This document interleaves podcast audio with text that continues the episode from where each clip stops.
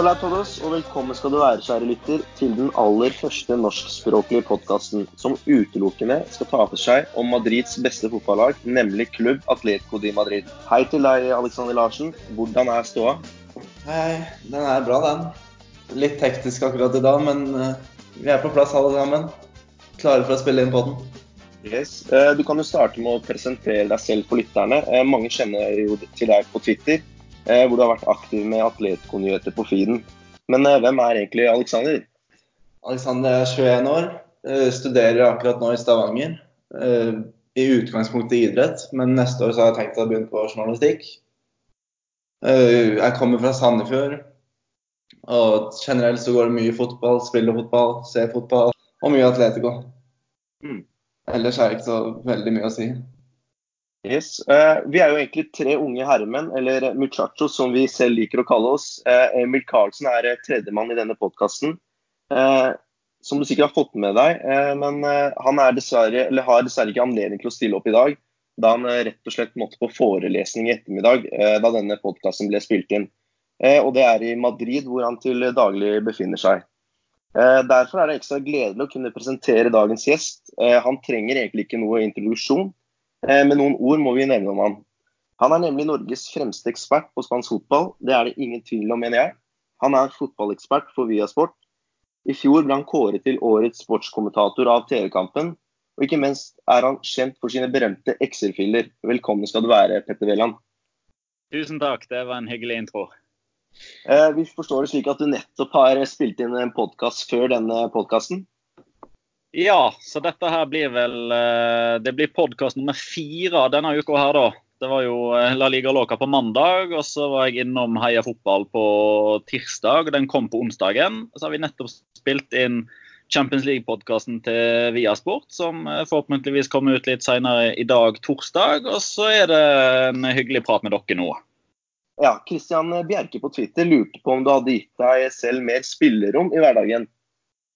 Eh, ja, så Akkurat denne uka her så er det jo høstferie, da, så da er det jo ikke like mange altså Det er fortsatt forpliktelser i heimen, men det er ikke nødvendigvis like mye bundet opp til faste tidspunkt for henting og levering i barnehage og på skole og SFO. Så det er litt mer eh, freestyle denne uka her, så da kunne vi sette av litt tid til podkasting. Eh, så bra. Eh, vi kan jo begynne litt egentlig om eh, vår forhistorie, før vi i det hele tatt begynner i gang med deg, Veland. Eh, eh, for dere som ikke vet, så er Pen PN Atletico Noruega en liten supportergruppe for den spanske fotballklubben Atletico Madrid.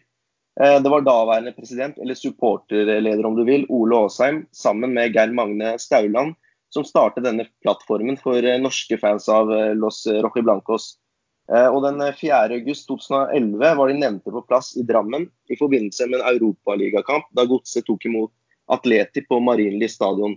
En kamp som for øvrig endte med 0-2-seier etter skåringer av eh, Adrian Lopez og José Antonio Reyes. Eh, Historisk sett har Atletico blitt regnet som arbeiderklassens lag i Madrid. Og siden eh, Diego Pablo Simione tok over skuta lille julaften 2011, så har klubben vunnet Copa del Rey, Europa League Uefa Supercup og til og med spilt i to Champions League-finaler. Eh, Men den kanskje aller største triumfen må nok være når Atletico ble kronet som eh, La Liga-mestere på selveste nasjonaldagen i 2014. Eh, Veland, hvis du bare kort eh, tar for deg den eh, epoken, altså fra 2011, da da Simione kom inn. Eh, hva kan du si liksom fra den tiden til frem til nå da, om Atletico Madrid? Nei, Det er jo ganske ekstrem, den uh, forvandlingen som har skjedd. Uh, først og fremst på banen, men òg utenfor banen. Uh, fram til Diego Simione kom inn, så var jo det var mange eh, kalde navn på Atletico Madrid som spilte på at de aldri helt nådde opp til egne og andres forventninger. At de alltid var en lillebror i hovedstaden, og at de, eh, at de nesten konsekvent skuffa. Um, og det var jo en klubb som har eh, vært gjennom uh, visse tidsperioder uh, med legendariske Hill i Hill på 90-tallet og nedrykket med Fernando Torres som kaptein når de kom opp igjen. Um, og jeg, Den korte historien er jo at da Gregorio Manzano fikk fyken og Diego Simione kom inn, så var de nærmere nedrykk enn spill i Europa kommende sesong. Uh, og allerede fra, fra, første kamp, fra første stund, så så man en endring i, i, hele klubben. Hvordan de tenkte, hvordan de spilte, hvordan de presterte. Eh, de vant Europa League den, eh, den vårsesongen Simione kom inn. Og i hver eneste sesong etter at Simione kom inn, så har de altså havna topp tre i La Liga. Så De har jo gått fra å være en klubb som, som alltid skuffa, og som sjelden spilte Champions League, til alltid å være der oppe. Eh, og Det er jo enormt imponerende i seg selv. Og samtidig så har de jo klart å bygge klubb. Eh, komme seg bort fra eh, Vicente Calderón, som jeg skjønner utrolig godt at veldig mange Atletico Madrid-supportere har, og, og hadde et spesielt forhold til, og at det var nostalgi. Det var litt trist når den endringa kom, men det var veldig nødvendig for at klubben skulle fortsette å vokse utenfor banen og henge med i svingene med PSG og City som nyrike, med Real Madrid og Barcelona som alltid er de to store konkurrentene.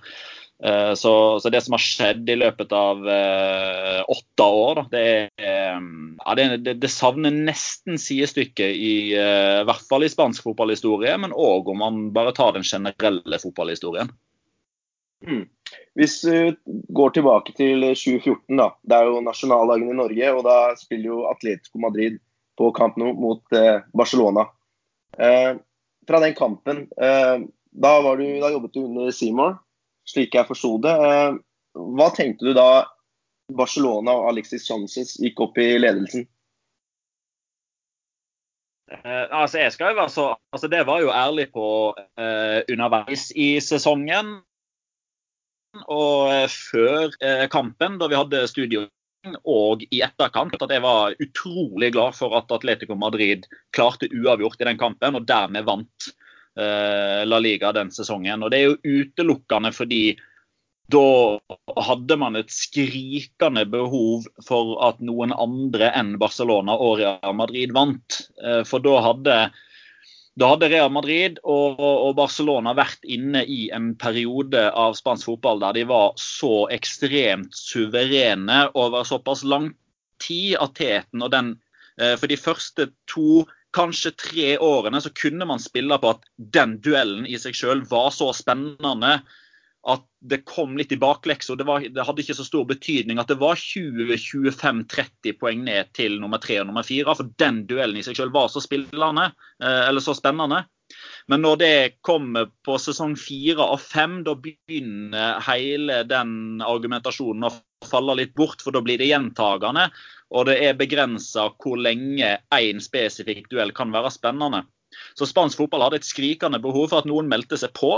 Eh, og ikke bare meldte Atletico Madrid seg på, de tok jo til og med lurven på begge to eh, på en måte som var så dramaturgisk riktig viktig eh, for å skape TV-øyeblikk. At eh, da Diego Godin hedda inn utligninga, så var jeg langt gladere enn da Alexis Sanchez eh, skåra tidligere i kampen. Yes, eh, eh Alexander Larsen. Eh, den kampen da, mot Barcelona, hva er det du husker med den egentlig? Nei, Det er vanskelig å komme utenfor Diego Godin. Men typisk Atletico-kamp hvor eh, det skal aldri være enkelt. Man skal lide litt for å oppnå det man ønsker. Og det er vel sjelden en kamp som beskriver Atletico mer enn en kamp på kamp nå. Når, Hvor man aller mest trenger å ta poeng, så klarer man det. I motsetning til nå de seneste årene, hvor man har slitt veldig med å ta poeng. og ja, jeg, jeg, kan ikke huske sist det ble seier, i hvert fall. Så det var jo veldig sterkt at man klarte det akkurat da når det gjaldt. Fordi det kommer jo ikke nødvendigvis noen flere sjanser. Andres Iniesta han sa jo etter kampen at uh, de måtte bare gratulere Atletico, og de fortjente uh, selvfølgelig å vinne tittelen. Uh, selv om det, altså, Atletico vant med tre poeng, da. det var jo ganske jevnt der, Petter. men de bryter jo en 18 år lang hegemoni da, med Barca og Real Madrid. hvilken påvirkning har det hatt på La Liga i ettertid? Nei, Det gjør jo at man har eh, si, enda et S i ermet hvis man skal forsøke å framsnakke serien med, med, hva det har å by på og hvor mange gode lag det er. Eh, for en, en, ting som ofte har blitt uh, trukket fram i disse debattene som etter hvert begynner å bli ganske kjedelige med hvilken liga som er best og spennende osv., det, det var jo det at La Liga eh, var en tolagsliga. Det var kun to lag som kunne vinne. Det var bare to lag som hadde vunnet de siste ti årene. Så da fikk man jo i hvert fall endra på det og økt antallet til, til tre. Um, og litt sånn også eksempelets makt. da, Atletico Madrid har jo gått i bresjen og vist at det faktisk er uh, mulig.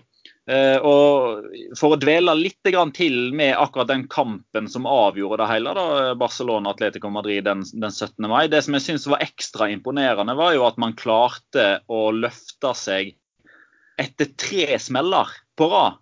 For Først så mista de jo Diego Costa med skade. Og så mista de Arda Toran med skade, og så skåra Alexis Sanchez. Og alt dette her i løpet av den første omgangen på Camp Nou. Så vi kommer tilbake igjen etter å ha mista to av de viktigste offensive spillerne. Måtte gjøre justeringer. Eh, inn med Adrian Lopez, inn med Raúl Garcia, som var fantastiske rollespillere akkurat da. Men sammenligner du de i mai 2014 med Diego Costa og Arda Toran, så ble Atletico Madrid kraftig svekka. Uh, og, og, det å i det hele tatt komme tilbake igjen fra underlege på Camp Nou hører sjeldenhetene til.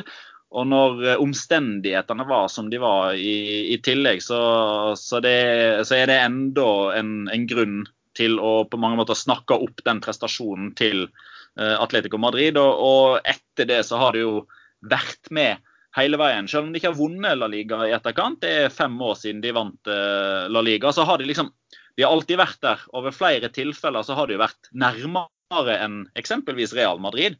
Så, så, det var liksom befestelsen på at topp to i La Liga ble til topp tre, og det er det jo fortsatt. Så det, de, de, bærer jo fortsatt fruktene av, det den dag i dag.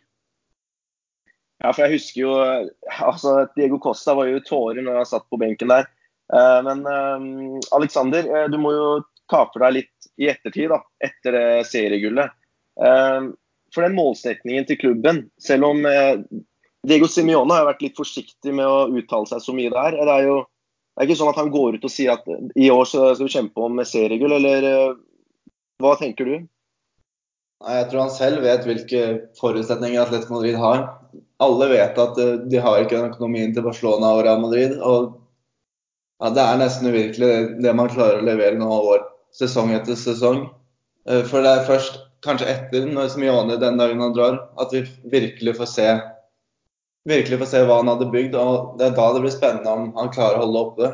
Fordi nå, man, nå har man nesten begynt å ta det for gitt. Og det er jeg ikke like sikker på om man skal den dagen Simione drar videre. Er du enig i det, Veland?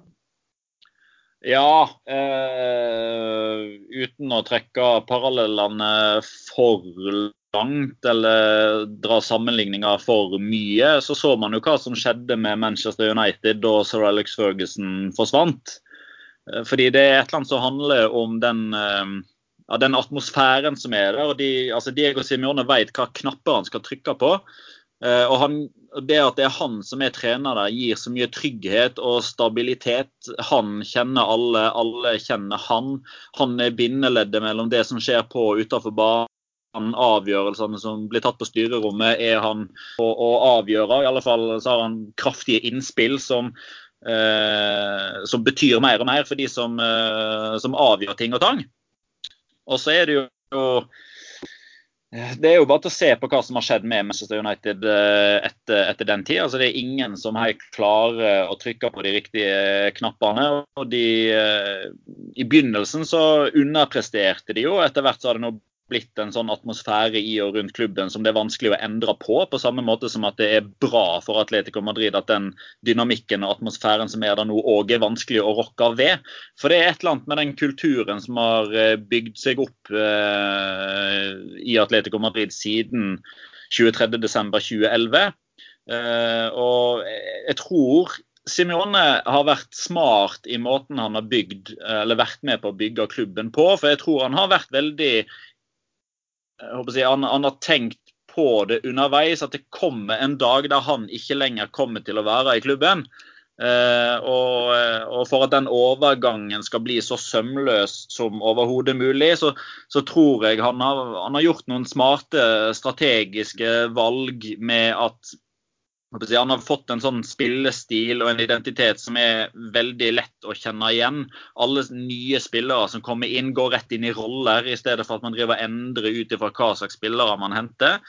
Uh, og, men da handler det jo om uh, at når den tid kommer, at Diego Simione ikke fortsetter som Atletico Madrid-trener, da er det et uhyre viktig valg klubben står overfor, der i mitt hode så er det veldig enkelt. De må finne den treneren i verden som ligner mest på Simione. I stedet for at de skal tenke at greit, nå har vi gjort dette med Simione.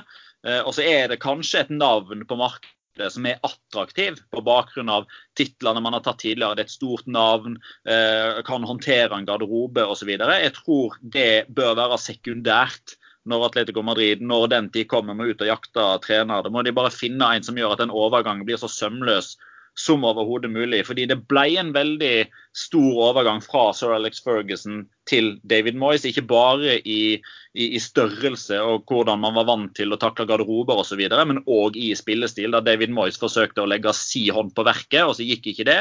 Og det ser man fortsatt litt eh, jeg, i hermetegn og ødeleggelsene av. Ja, eh, Vi skal jo ikke snakke så mye om eh, de Champions League-finalene. Det, det, har vi ikke tid til i den podkasten her. Men eh, Larsen, eh, hvis du på en måte skulle se for deg et Atletico Madrid uten eh, Diego Simione, eh, hvordan hadde det blitt? Nei, Det er vanskelig å si. Det var jo det var i sommer man begynte å tenke er det den andre æraen til Simione. fordi det var jo så mye utskiftninger, nye spillere, viktige spillere som hadde vært der i lang tid, som hadde forlatt klubben. Men Diego, Diego Simione var der fortsatt, og det tror jeg også er det viktigste Atletico Eller det var viktig for Atletico i sommer. for Hvis de hadde mista han, da kan det fort hende at man hadde mista sin identitet med så mange nye spillere. Hvordan man skal videreføre det uten å få en lignende trener, det, det sliter jeg med å se. Um, tror du også at uh, spillere som uh, Griezmann uh, valgte å bli grunnet at uh, Diego Simione satt i treneransvaret? Da? At det rett og slett gjorde at det tiltrakk seg gode spillere inn til klubben? Med, en, med et trenernavn som eh, Simione? Ja, det er vel liten tvil om det. Du ser jo bare på alle spillerne har utvikla. Falcao ble bedre, Diego Costa ble god. Alle spissene, Fernando Torres Nå var ikke han vestperioden under Simione, men allikevel. Han har, han har utvikla enormt mange gode spillere i tida hans. Det er ikke uten grunn at Jao Felix kom i sommer, med, med tanke på sin utvikling hva han gjorde med Antoine Griezmann f.eks. Han tok han fra å være en lovende spiller til en av de absolutt beste spillerne i verden. og Det hadde man egentlig ikke trodd da han kom, selv om han selvfølgelig hadde et stort potensial. Ja, og så må vi selvfølgelig ta for oss eh, sesongen som har vært nå. Eh, Atletico Madrid spilte jo sist eh, i Champions League mot Lokomotiv Moskva, der det ble en sterk borteseier 2-0 etter skåringer av Joao Felix og Thomas Partey. Eh, og eh, før det så spilte man også El Derby Madrileno, eh, der det endte 0-0. Petter, hvilke tanker gjør du opp mot Atletico Madrid denne sesongen med en, ja, en helt ny spillestall? Ja, nei, Jeg syns fortsatt de skal være helt i det øverste favorittsjiktet. Både i, i, Champions League og i La Liga. Og sesongstarten har vel på ett vis bekrefta det. Samtidig så må man jo òg si at de Eh, altså Grunnen til at Atletico Madrid bare er ett poeng bak serielederen i La Liga etter sju runder, er jo først og fremst fordi det er ikke noen lag i La Liga som har fått en flying start. Det er mer det at de, de spenner litt bein på hverandre, og så er alle med eh, fortsatt på nåde. Eh, vanligvis etter sju serierunder i La Liga så er det en av de tre store som står med, med i hvert fall seks seire og kanskje en uavgjort. Noen ganger òg sju seire av sju mulige. Og hvis f.eks. Real Madrid eller Barcelona hadde gjort det nå, så hadde jo Atletico Madrid vært 5-6-7 poeng bak allerede, og da kunne det vært kjørt. Eh, så Således er de jo fortsatt med i tetstriden eh, i, i hermetegn på nåde. Samtidig så lyger jo tabellen aldri. Real Madrid har bare vært ett poeng bedre foreløpig, og Atletico Madrid har vært ett poeng bedre enn enn Barcelona. Eh, og, og, jeg tror egentlig at eh, det at de fortsatt er med i så stor grad etter sju serierunder. Eh, det tror jeg taler til deres fordel, fordi Atletico Madrid er definitivt det laget av de tre store som har forandra seg mest fra forrige sesong, og som kanskje behøver en liten sånn innkjøringsperiode i starten før man begynner å få dynamikken på plass før relasjonene har blitt bygd opp mellom Joao Felix og hans nye lagkamerater. Eh, og starten i Champions League syns jeg har vært veldig bra. Hjemmekampen mot Juventus, eh, sånn objektivt sett, kanskje den aller beste fotballkampen jeg har sett i 2019. Det var Atletico Madrid mot Juventus. Spesielt andre gangen. Den storkoste jeg meg med. To fantastisk gode fotballag som denger løs på hverandre som to boksere i sin prime. Eh, og en solid eh, tomålseier eh, i Russland nå denne uka her. Så Atletico Madrid de har fått en, en seriestart som er til godkjent pluss, samtidig som man vet at de fortsatt har en god del å gå på. Eh, Alexander, er du, er du, fornøyd med den sesongstarten vi har hatt så langt? Hvis du ser, altså, hvis du tenker på tabellsituasjonen. Det er jo ganske jevnt i ligaen med at eh, altså, tre poeng skiller mellom eh, topp én og syv. Um, men uh, hva syns du om det nye, nysatte laget til uh, Cholo Simione? Jeg syns det er mer potensial i det laget man har nå, eh, kontra forrige f.eks. For selv om man da også hadde veldig stor tro.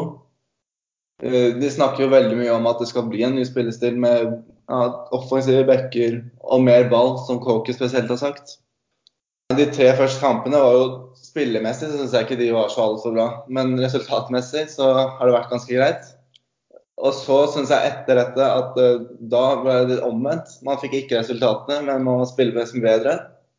Både mot Celta Vigo så syns jeg, synes jeg i hvert fall man kunne hatt en scoring. Og mot Juventus så syns jeg man var best. Da fortjente man minst ett poeng. Og jeg tror nå med Morata tilbake, det tror jeg kan bli veldig viktig. fordi da får vi kanskje se Jao Felix der han var best i sin rolle under sesongoppkjøringa. Der hvor han starter fra midtbanen og trekker litt mer inn, framfor å være én og to spisser.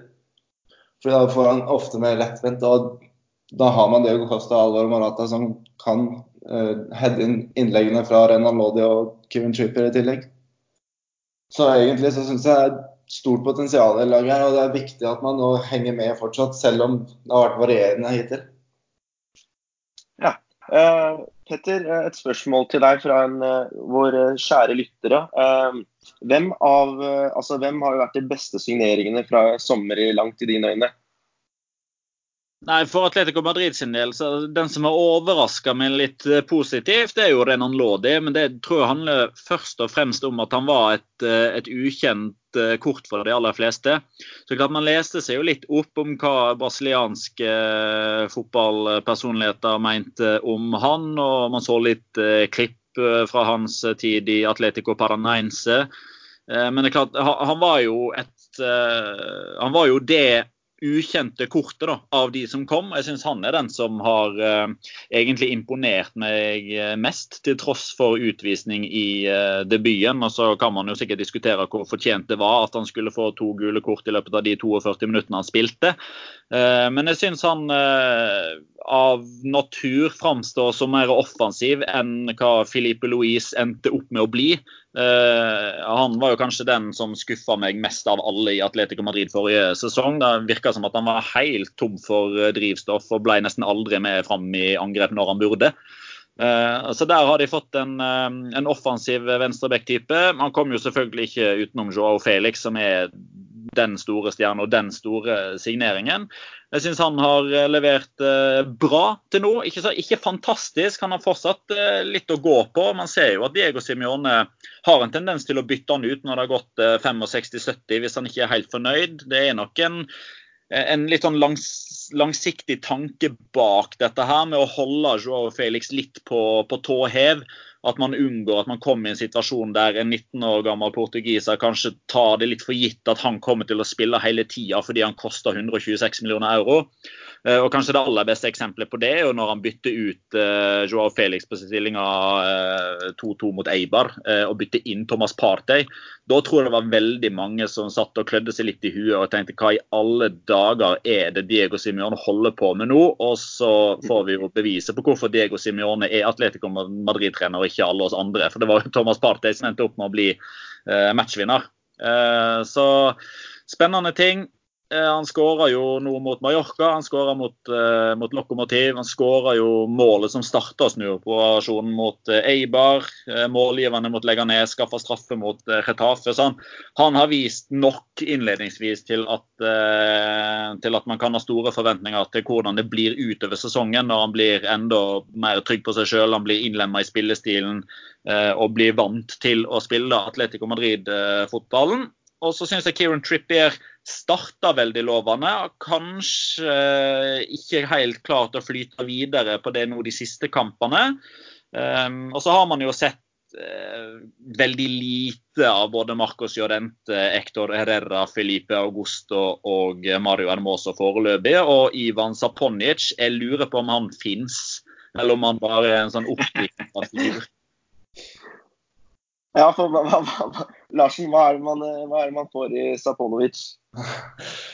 Nei, det, det jeg, jeg, må være ærlig og si jeg vet faktisk ikke, for jeg har ikke sett ham nok. Men det sies at han skal være god i lufta. Han skårte faktisk et mål i preseason i den aller første kampen mot ja, Numancia, var det vel. Men jeg tror ikke vi skal forvente de store tingene av Saponic denne sesongen. Og det ser vi også når han blir utelatt fra tropp etter tropp. Men altså, da leder det litt til Diego Costa i, denne saken. da. Eh, fordi jo, vi har jo store forventninger til eh, kaosdansen vår. Eh, og Veland, hva, hva, gjør du opp mot Diego Costa denne sesongen? Er han, eh, er han ferdig? Er han, eh, burde han bare rett og slett reise til Kina og fortsette karrieren der, eller har beistet fortsatt mer å gi? Han har nok fortsatt litt å gi, eh, det, det har han. Jeg, er derimot usikker på om han kommer til å forsvare en startplass eh, sesongen gjennom. Jeg tror kanskje det kan være dags å, å gi han en, en, periode der han starter litt kamper på benken. For det, det er egentlig, det, det, er sjelden at Diego Costa kommer inn. Altså Enten så er han eh, skada eller suspendert, eller så spiller han fra start. Eh, det er liksom de eh, scenarioene man har når det gjelder Diego Costa. Men så glimter han jo til iblant, da. Altså Skåringa mot Mallorca kan kanskje være en sånn selvtillitsbygger. og man ser jo Eh, altså Det var jo han som gikk i bresjen for dette voldsomme returløpet som har gått sin seiersgang i sosiale medier mot Lokomotiv Moskva, der han som spiss eh, sprinter tilbake igjen og eh, til slutt ender opp som bakerste mann og, og ligger som en eh, Diego Godin-type og styrer Forsvaret for å hindre baklengs på overtid i første omgang. Så det er jo ikke noe som helst tvil om at han fortsatt har mer å gi, og at han brenner for Atletico Madrid. Men det som kanskje skuffer meg mest, da, som, eh, som, objektiv, eh, og som setter meg ned for å se Atletico Madrid i et ønske om at det skal være ting å rapportere om og, og ting å snakke om, eh, det er jo at han, han, skaper jo ikke dette kaoset lenger. Han har jo blitt snill. Altså, er, jeg kjenner nesten ikke igjen Diego Costa. Altså, det er nesten ikke gule kort på han eller motstanderne. Altså, han spiller et Eh, Real Madrid-derby, eller et derby mot Real Madrid nå forrige lørdag. og det, det, er jo knapt dueller mellom han og Sergio Damos, Det, det syns jeg er litt skuffende. Så det er kanskje der han skuffer meg aller mest.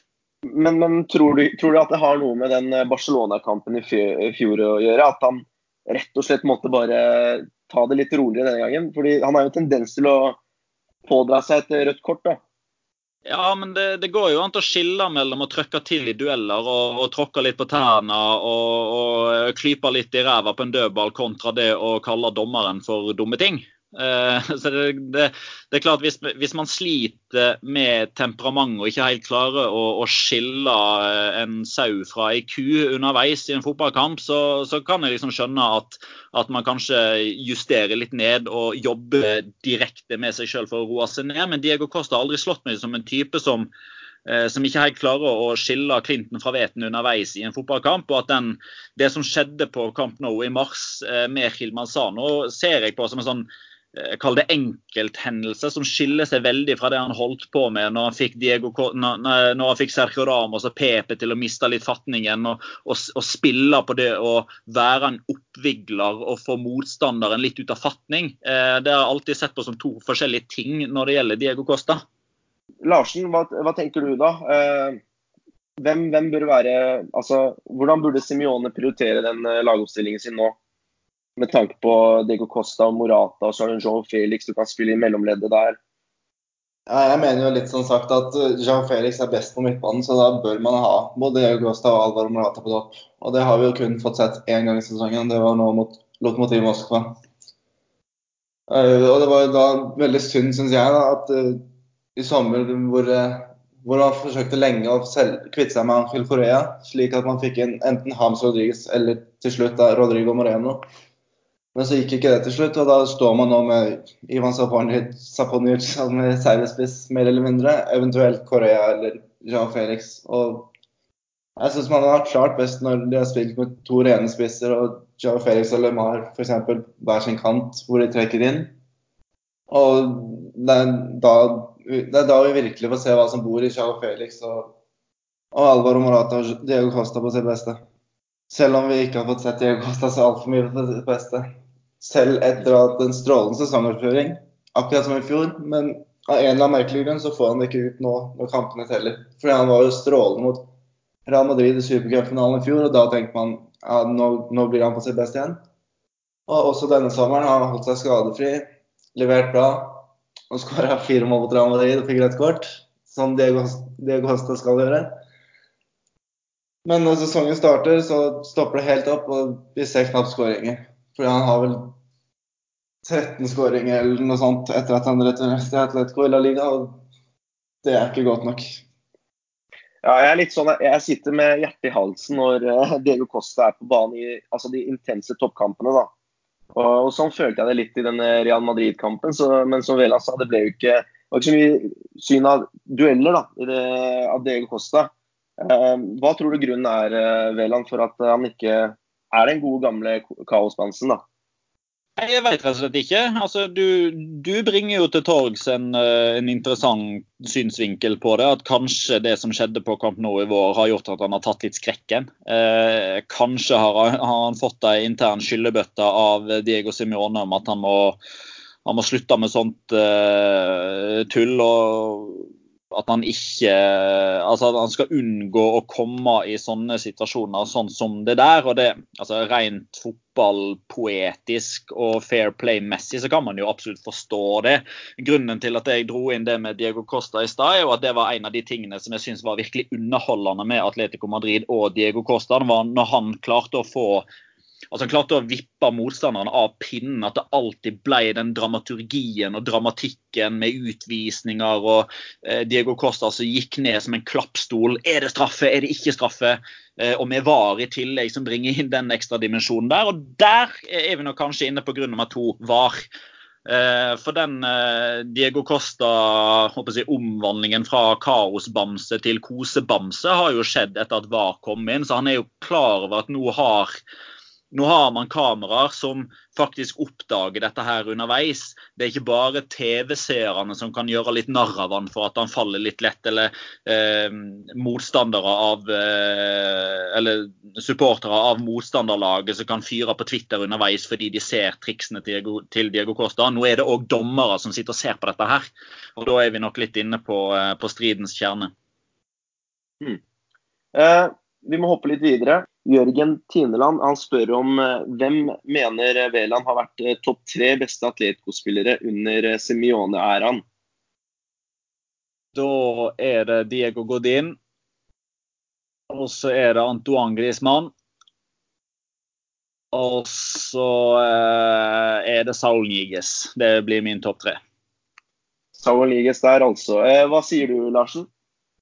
Jeg er veldig enig med første, de to første. Og så er jeg litt mer usikker på den tredje. Det spørs litt om man skal ta ut hvem som har vært kvalitetsmessig best, eller hvem som har levert best over tid. Jeg, jeg, jeg, må bare skyte inn. Her var det hjernen min som døde et lite sekund. Jan Oblak skal selvfølgelig være topp tre. Nei, ja, vi må ha med ja, om ikke verdens, Det må jo være verdens beste keeper om dagen. Ja, Uh, yes, uh, og så har vi et spørsmål fra Sivert Wiig. Uh, han spør om styrkeforhold mellom Tripper og Arias. Jeg kan begynne med deg, Larsen. Ja, Det ser veldig ut som det er Tripper som leder an der. og Det virka ikke helt som at Simione ble helt 100% overbevist på Arias forrige sesong. Da kom han fra en start av flere kamper, selv om han kanskje ikke burde det. Og selv syns jeg egentlig Arias har vært ganske god, men av en eller annen merkelig grunn så får han ikke spille så mye som flere Atletico-fans syns. Og I hele sommer så var det en jakt for å finne en ny høyrebekk. Og det var jo lenge snakk om Hussein, men det endte til slutt overraskende med Tripper for de aller fleste. Det er jo ikke så veldig mange som har klaga på det i ettertid, selv om man fint kunne spilt med Arias fast, spør du meg. Og men den konkurransen de har nå, syns jeg er veldig fin. Og Arias har vært god de gangene han har fått mulighet nå, selv om han ikke har vært så veldig ofte. Ja, for uh, Tripper slår meg som en fantastisk signering, uh, og kanskje noe overraskende over hvor god han faktisk har vært. Da. Og uh, egentlig generelt bekkene til Atletico som på en måte har gitt en helt ny dimensjon med høy offensivt spill. og Hva tenker du, Veland, med har Atletico egentlig forbedra seg betydelig da, eh, med, med Tripper, og Aria, altså Tripper og Loddy, fremfor Juan Fran og Filipe Luis, som det skal sies at de begynte å dra på alder nå? Ja, ja, absolutt. Så Der virker det som at de har, de har truffet blink. Som sagt så er jeg veldig fan av, av Lodi, som bare er 21 år og virker, virker veldig spennende. Og så starta jo Kieran Trippier veldig bra. Altså, han, han, fikk jo en flying start med det målgivende innlegget mot uh, Retafe. og da, da fikk han liksom vist fram forsen sin umiddelbart. For da når han ble henta, så var det jo da, da, kom de jo etter uh, en uh, en veldig under par i sesong for Tottenham, som kanskje var litt sånn sesongen derpå etter et fantastisk VM-sluttspill for England. Ehm, så er det kanskje mange mulige årsaker til at man får en, eh, en nedgang i prestasjoner etter en sånn opplevelse som Trippier og England hadde i, eh, i VM i Russland. Eh, men det er klart at når den overgangen ble offentlig, og så var det jo mange som rynka litt på nesa. Jeg tror først og fremst det har litt med vane å gjøre. Det er ikke så ofte at engelske spillere blir kjøpt av spanske toppklubber. Det har liksom med kultur og, og vane å gjøre. Det er ikke så veldig mange engelskmenn som, eh, som jeg, tør eller vil flytte fra England. Og har det blitt eh, flere og flere de siste årene. Kanskje først og fremst unge talenter. Men Kieran Trippier, 29, tar sats, eh, reiser fra London til Madrid. Det syns jeg det står litt respekt av, med tanke på at eh, veldig mange av hans felleslandsmenn hadde valgt å ikke gjøre det. fordi ja, de trives såpass godt eh, på England, og, og, utfordringer med språk og miljø er det veldig mange som er litt redd for. Så uh, honnør til Trippier. Så fikk han kanonstart. Der fikk han vist fram innleggsfoten uh, umiddelbart. Men så har det jo blitt med det foreløpig, da. Uh, men nå har jo Atletico Madrid fått en en back som i utgangspunktet er veldig god til å slå innlegg. og Da regner jeg med at en del av kampen kampplanen og spillestilen utover høsten nå kommer til å dreie seg om å få i gang høyrefoten til eh, Trippier, som òg hadde målgivende på, eh, på den headinga til Ector Herrera i Juventus, men det var en, en dødballsituasjon. så den, den er sammenlignet ikke den direkte med assisten mot Retafe, fordi den var i åpent spill og forteller langt mer om spillestil enn hva en dødball gjør. Eh, men helt åpenbart en lovende start for begge bekkene. Ja, Vi er veldig glad i bekkene våre i Atletico Madrid om dagen. og eh, så må vi også nevne litt de som på en måte har fått eh, litt mer anerkjennelse denne sesongen. her da. Eh, Thomas Partey. Eh, er det, er det en spiller som har vært ja, La Ligas mest undervurderte midtbanespiller, Veland, i dine øyne? Eller hvordan, hvordan, tenker du han har vært i løpet av de to siste sesongene her? da? Ja, han er med i, i miksen der, om han skal nominere uh, mest undervurderte fotballspillere i La Liga. Fordi, altså det, som, det, som, har vært både styrken, men òg svakheten for Thomas Partey med tanke på å bli så god som han har potensial til å bli, er jo at han har vært så anvendelig. Så i stedet for at Diego Simione har tenkt at OK, Thomas Partey er fantastisk god på det og det, han kjører vi inn som vår faste nummer eh, seks eller vår faste nummer åtte eller vår faste nummer fem eller hva det nå skulle være i elveren, så har det vært noen kamper på sentral midtbane som anker, noen ganger litt høyrekant, ned på høyre bekken av og til. Han har liksom alltid vært den ellevte spilleren som har eh, han, har, han har alltid vært en som har erstattet en skada eller suspendert spiller. Han har alltid gjort en enorm jobb for lag. Litt det samme som Saul, som plutselig spiller venstre midtbane, og så er han inne som én av to. Plutselig er han høyre midtbane, og så er han nede på venstre bekken. Som gjør at man, altså, ekstremt viktige spillere for laget, men aldri den som helt markerer seg, eller som får masse kamper på rad i samme posisjon. Som gjør at hvis man setter seg ned og spiller, eh, hvis man setter seg ned og ser Atletico Madrid i fem kamper på rad, så ser man gjerne Thomas Partey i tre-fire forskjellige roller og blir blir kanskje litt sånn forvirra eller blir ikke helt klok på hva slags spiller dette egentlig er. og Da blir det vanskelig for den gemene hop, som kanskje ikke følger like godt med, som, som kanskje bare ser noen lineups av og til, og så switcher de innom av og til, og så er ikke Thomas Partey der fordi da har han blitt bytta ut. eller kanskje er han litt skada. Altså, det har aldri blitt den kontinuiteten i spillet, men når han først har spilt, så har han jo levert uh, veldig bra hele tida. Um, og så er det òg liksom uh, baksida av medaljen for Thomas Partey å spille i en såpass god og stor klubb som Atletico Madrid, er at han har jo såpass gode lagkamerater at det er knaller konkurranse om plassen på laget. Uh, altså Hvis man tar utgangspunkt i at Thomas Partey er best på sentral midt, så er jo det det tilsvarende som Kåke, som Saul, som eh, Marcos Llorente, som Ector Herrera. Og, eh, og, og, i tidligere sesonger så har han jo òg hatt Rodri foran seg, bl.a. Så, eh, og nå er han jo 26, så hvis, hvis, hvis han skal bli den beste utgaven av seg sjøl, så må han overbevise Diego Simione til å bruke han i samme posisjon kamp ut og kamp inn, tror jeg. Larsen, nå Thomas, nå party i Atleti, eller? Den kontrakten i hvert fall skal forlenges så fort som mulig, tenker jeg. fordi den klausulen på 50 millioner euro, den, den er farlig lav akkurat nå. Jo mer han spiller sånn som nå, særlig mot Real Madrid, jo mer oppmerksomhet får han. og Da ryker han fort en engelsk klubb i løpet av sommeren. Så der er det bare å komme seg på jobb med en gang. og Ikke noe å vente med.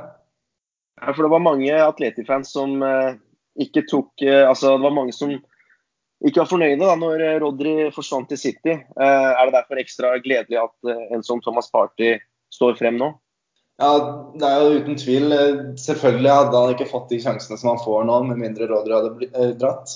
Fordi det virka jo som at Rodri skulle være framtida. Han skulle være den nye Gabi, selv om han ikke var helt like spillestilen. Og det er mange mange som følger spansk fotball tett, da, som mener at Rodry faktisk ikke passa Simione slik som det f.eks. Marcus Llorente eller Thomas Partey kan gjøre. og At det ikke nødvendigvis er et så stort tap som man egentlig hadde frykta, annet enn at han var en akademigutt. og Det er trist å se en sånn forlate klubben, særlig etter at han kom hjem. Uh, tok over, ga sitt draktnummer og skulle være hans etterfølger i mange år framover, sammen med Saul og Kåke og resten av gutta. Uh, ja, uh, og Så må vi selvfølgelig ta med oss det siste lyttespørsmålet her uh, til Petter Wæland. Hvor viktig er Oscar Ortega for suksessen til Atletico, og hvorfor er det ikke flere lag som lærer av hans metoder? Jeg er litt usikker på uh, hvor tilgjengelig disse metodene er. Altså, Det er jo, uh, det finnes jo klipp og uh, lagd dokumentar, så vidt jeg har forstått. Men det jeg tror ikke Pro Fortega eller Diego Simione eller Herman Burgos forteller alt når de stiller opp på, på, på sånne ting. og Samtidig så er det jo ikke Altså Det er ikke bare sånn at uh, en uh, Odd-trener eller en Viking-trener eller en Sandefjord-trener kan se en dokumentar av en fotballklubb og hvordan den blir drevet, og så bare plutselig dagen etterpå så skal de begynne å gjøre det samme. Dette handler om å gjøre det over tid. Og Pro Fortega har gjort det over mange mange år nå. Uh, men samtidig så er det jo en jeg skal ikke si at det er en kontroversiell måte å gjøre det på, men det er en uvanlig måte å gjøre det på. Å være, liksom, å, å være så knallhard og ha en så Eh, krevende spillestil og treningshverdag. Altså, du ser jo når, det kommer nye spillere til Atletico Madrid, de får jo trenings- og kultursjokk hele gjengen. Så det, det, forteller jo en historie om at Atletico Madrid gjør ting på en litt annerledes måte enn eh, en klubber flest. og det er en det er jo en, eh, en, metode som har vært med på å bringe de dit, dit de er. og det er jo Altså Profortega i seg selv er jo en, eh, en, en, karakter som er åpenbart glad i å ta vare på kroppen. Altså Han har jo kropp som en 25-åring, til tross for at han, er, han begynner å bli gammel eh, kar. Så det er klart at um, Samtidig så er det jo også sånn at det som funker i Atletico Madrid, funker nødvendigvis ikke et annet sted hvis man innfører det. Det handler litt om, om hvordan karismaen er uh, på den treneren, altså den fysiske treneren som skal få alle spillerne til å tro på metoden hans. Altså Hvis jeg hadde begynt som fysisk trener i en eh, eliteserieklubb i morgen og sier at hei gutta, nå skal vi gjøre som Atletico Madrid, så kan, så kan det godt hende at de spillerne som da kjenner til treningsarbeidet til Atletico Madrid, tenker ja, det er en god idé, for de er godt trent. Men når man da står underveis i disse øktene og pusher og pusher og pusher, så klarer Pro Fortega å trykke på de riktige knappene som gjør at spillerne, i stedet for å bli sur på den idioten som ber de om å løpe to kilometer til eh, når de har blodsmak i kjeften, eh, i stedet for å bli irritert på han, så gjør de det faktisk. Eh, mens en annen fysisk trener som hadde stått og sagt akkurat det samme, men kanskje ikke på samme måte eller på samme tidspunkt, hadde kanskje bare fått eh, langfingeren eh, i stedet for de to ekstra kilometerne. Så jeg tror han er unik på veldig mange måter, og derfor eh, tror jeg at Atletico Madrid er, liksom, de er unike i den formen de driver på, pga. at Pro Fortega er den han er. og det er vanskelig, nesten umulig, å, å kjøre en ren kopi av det. Jeg mener at Det var Per Mathias Høgmo som mente at Atletico ville forsvare seg som eh, altså Norge vil forsvare seg som Atletico Madrid og angripe som eh, Manchester City. Eh, det så ikke så mye av, dessverre. Men hva tenker du, Larsen? Er det fysisk krevende å spille i en klubb som Atletico Madrid med, med ja, det systemet? Ja, Det er vel liten tvil om det. Men som, han, som Petter sier, han Proforteo klarer å få det ut av spillerne. De Istedenfor at de skal hate han og være sur på han når, når, det blir gjort, så gjør de det. og de, Det ser jo veldig ut som det er god stemning mellom spillerne og Pro Fortega. Og han har blitt en av de viktigste mennene til Diego Simione. det er litt med det, Den dagen Simione drar, så er det ikke bare han som drar. Da er det sannsynligvis Pro Fortega. Det er Diego Simione som, og Herman Burgos, mener jeg. Og det er ikke bare Diego Simione som drar. Da. Det er sannsynligvis hele fundamentet som ligger bak. og all den jobben som man ikke ser annet enn de som er på treningsfeltet. Da. Uh, vi nærmer oss egentlig slutten. Vi hadde, vi hadde, egentlig sagt at vi skulle holde oss under en time, men uh, vi litt vi hadde bare lyst til å ta frem òg. Eh, det var jo at vi som supportergruppe dro jo til Sverige i Stockholm til en av våre første nyere fellesturer sammen. hvis du kan ta for deg det, Larsen, hvordan var opplevelsen da Joao Felix virkelig presenterte seg igjen? da? Eh, med to skåringer mot eh, den gamle dame. Nei, det var, vel, det var vel da man virkelig fikk se han på, ja, på nært hold og se hva som bor i han selv i en alder av 19 år, men mot laget, et av de beste lagene i Europa. Og man kunne jo også se Jao Felix-drakter utafor stadion, og entusiasmen rundt han var enorm. og Vi snakka med Per Arle Heggelund etter kampen, og han var jo helt i ekstase. og det er tydelig at det er en spiller som trekker fans og trekker oppmerksomhet, i likhet med Antoine Griezmann, og som er et stort pluss for Atletico Madrid og deres interesse. Da. I tillegg til det sportslige, så klart. Nei, Det sier jo nesten seg selv at når det blir en overgangssum på 126 millioner euro, så er forventningene deretter. Um, og eh, altså, fotballsupportere flest, altså fotballfans flest, altså de som dedikerer mye av hverdagen sin til å følge favorittlaget sitt, er jo ikke alltid de som ser mest fotball foruten sitt eget lag, og spesielt ikke utenfor den ligaen som det favorittlaget er i. Så jeg tror ikke det var så veldig mange Atletico Madrid-supportere som visste så veldig mye om Joao Felix, annet enn at man hadde sett klipp av hvor god han hadde vært for Benfica i Europa League, spesielt den kampen mot Frankfurt, som kanskje er den beste kampen han har spilt i, eh, i karrieren.